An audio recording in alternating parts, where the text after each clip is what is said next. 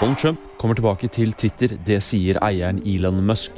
Folket har talt Trump vil bli gjeninnsatt, sier Musk etter avstemningen, der det ble knapt flertall for Trump på Twitter. Totalt stemte 15 millioner mennesker, og rundt 52% stemte ja. Trump var lenge en av de største kontoene på plattformen, frem til han ble utestengt i forbindelse med stormingen av Kongressen 6.1 i fjor. Om Trump faktisk vil returnere til Twitter er høyst usikkert. Lørdag uttalte han ifølge Reuters at han ikke har interesse av å komme tilbake.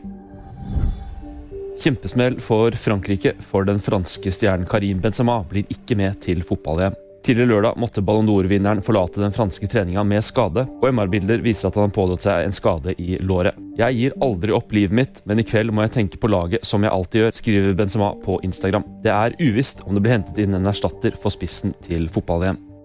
Det var nytt fra VG, og de fikk av meg, Alfred Lindbekk Nordtvedt.